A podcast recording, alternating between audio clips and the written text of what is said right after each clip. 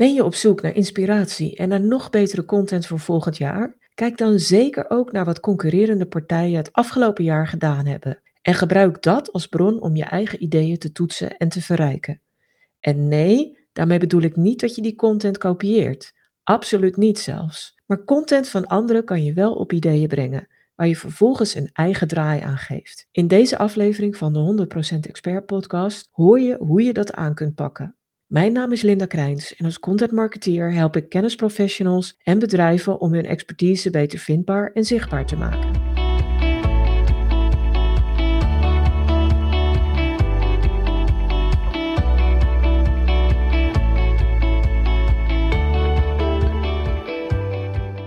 Spieken bij een concurrent. Want dat is eigenlijk wat je doet op het moment dat je daar inspiratie zoekt en kijkt of zij je op ideeën kunnen brengen. Moet je dat dan wel doen? Want bij een contentplanning voor een nieuw jaar of een nieuwe periode is je vertrekpunt, als het goed is, je eigen zakelijke plannen voor een nieuwe periode. Welke producten of diensten staan komend jaar centraal? Wat ga je ondernemen? Wat wil je zichtbaar maken? En op basis daarvan kun je je eigen thema's en onderwerpen vaststellen waarbij jouw doelgroep, jouw doelen en jouw kanalen centraal staan. Dus ja, het klopt dat je altijd eerst van jezelf uit moet gaan en dat je naar jezelf moet kijken om eigen thema's en onderwerpen te genereren. En toch kan spieken bij je concurrent je dan wel helpen.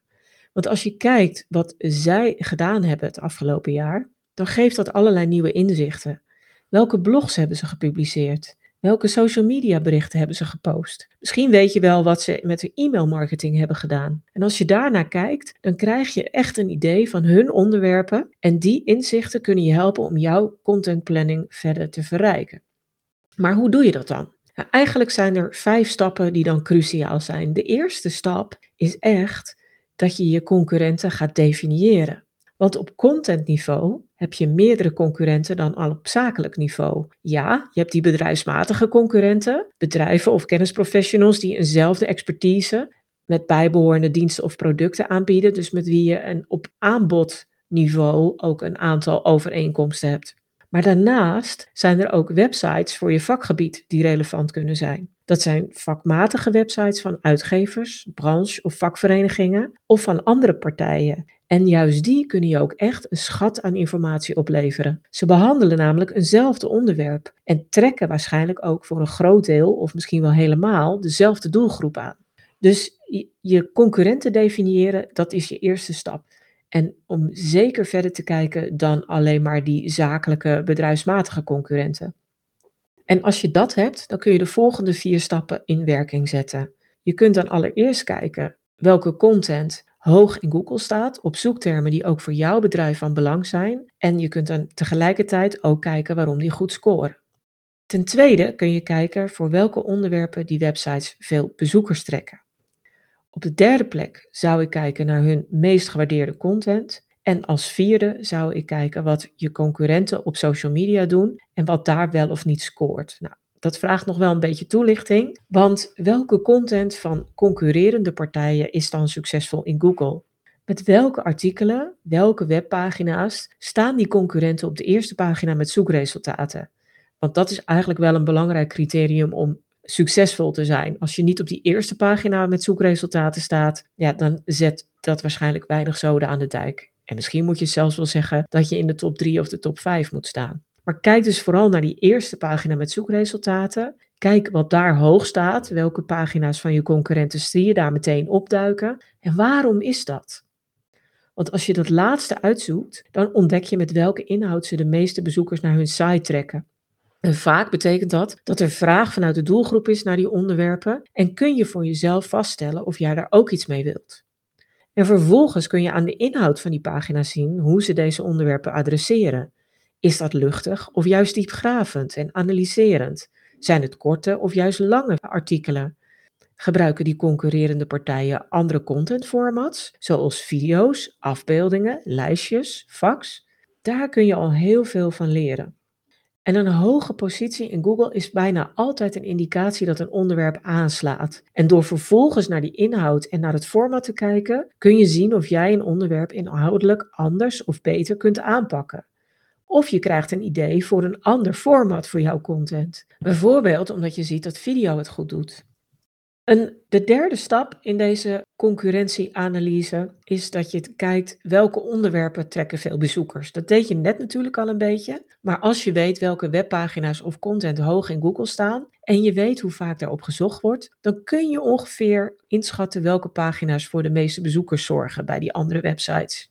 Maar websites trekken ook bezoekers via social media, via een nieuwsbrief en via links naar die websites. Dus het kan lastig zijn om dat uit te zoeken maar vaak kun je toch wel zien of een artikel populair is. Kijk dan op de website zelf, want die wil nog wel eens vermelden hoe vaak iets gelezen is. Of je kunt daar zien dat er veel reacties onder staan. Dat geeft ook aan dat iets populair is. Vind je dat lastig? Dan kun je ook een tool gebruiken die dat voor je in kaart brengt. Zelf gebruik ik een paar betaalde tools, maar je kunt hier ook de gratis versie van Ubersuggest gebruiken. Ik zal de link in de show notes zetten. Daarmee kun je een beperkt aantal sites of zoekopdrachten onderzoeken en bijvoorbeeld zien welke pagina's het populair zijn. De vierde stap in je content concurrentieanalyse is uitzoeken wat de meest gewaardeerde content is. Populaire content vertelt je welke content veel bezoekers krijgt. Maar, geweerde, maar gewaardeerde content vertelt nog net iets meer. Die is niet alleen bezocht, maar ook door mensen verder gedeeld of becommentarieerd. Ook daarvoor kun je weer een tool gebruiken om dat vast te stellen. Een van de tools die ik gebruik, BuzzSumo. Dat is een tool die monitort welke content van een website het meest gedeeld wordt op social media. Die tool heeft een gratis versie die je de drie meest gedeelde en becommentarieerde artikelen toont. Dat is wel beperkte informatie, maar het geeft je wel een idee. En soms kun je op een site zelf ook zien hoe vaak een artikel gedeeld is. Bijvoorbeeld als er social share knoppen staan, dan kun je zien of het gedeeld is en waar het gedeeld is. Dat is ook wel weer een indicatie dat daar je doelgroep zit. En soms kunnen die grote aantallen deelacties er ook op wijzen dat mensen het niet met de content eens zijn of het misschien zelfs afkeuren. Maar vaak weet je dat wel, of men positief of negatief over een bepaald artikel is wat men dan verder deelt, omdat het toch om content binnen je eigen vakgebied of branche gaat. Dus dan kun je dat wel behoorlijk goed inschatten. Maar met zo'n tool of door op een website zelf te kijken of op door social media kanalen te kijken van een website, kun je toch wel zien hoe vaak artikelen verder gedeeld zijn en hoe vaak het tot reacties uitnodigt en of die positief zijn en of er waardering is voor bepaalde content. Ten slotte kun je kijken wat bedrijven of concurrerende websites doen op social media. Bekijk eens een paar van hun social media accounts en pagina's om een beeld te krijgen van hun onderwerpen, van de formats die ze gebruiken en welke content tot interactie heeft geleid. Dus bij welke content kregen ze veel reacties met een emoji of met een geschreven commentaar of met een deelactie. En kijk zeker ook naar die formats. Kijk bijvoorbeeld of ze tekstberichten gebruiken, of foto's met een bijschrift, of juist video, of carousels, of juist stories. Het wil niet altijd zeggen dat ze daar succesvol mee zijn, maar het geeft je wel vaak een goede indicatie. Nou kun je handmatig kijken op social media, maar dat kan best tijdrovend zijn. En toch geeft dat handmatige je vaak wel de meeste ideeën en de beste indruk. Dus wat ik dan zou doen is dat ik er echt een beperkt aantal concurrerende partijen uitkies en dan bijvoorbeeld twee of drie social media accounts bekijken omdat je dan toch nou, binnen ongeveer een uur best wel een goed beeld kunt krijgen. Zeg je van nou, daar heb ik geen zin in, dan kun je ook nog een tool gebruiken. En er zijn er meerdere van. Ik noemde net al BuzzSumo. Die kun je ook gebruiken om te zien welke content van bepaalde websites het goed deed op Facebook bijvoorbeeld. Of op YouTube. Maar oké, dat is een beperkt beeld. Wil je een breder beeld, dan moet je waarschijnlijk wel overstappen naar Social Insider als tool. Die heeft denk ik geen gratis variant, maar dat weet ik nu niet eens zeker. Maar die heeft in elk geval een betaalde variant en die geeft je ook wel een goed beeld wat er in een bepaald tijdvak heel veel gedeeld en becommentarieerd is. Want hoe meer interactie, hoe beter content het vaak ook doet en hoe beter het weer gewaardeerd wordt. Dus mijn voorkeur heeft het toch vaak om ook even handmatig te kijken. Het is, geeft toch een ander soort indruk dan de cijfermatige uh, output die een tool je geeft. Maar tool, met een tool kun je natuurlijk ook al heel eind komen. Dus in deze vijf stappen kun je de content van je concurrentie heel goed analyseren.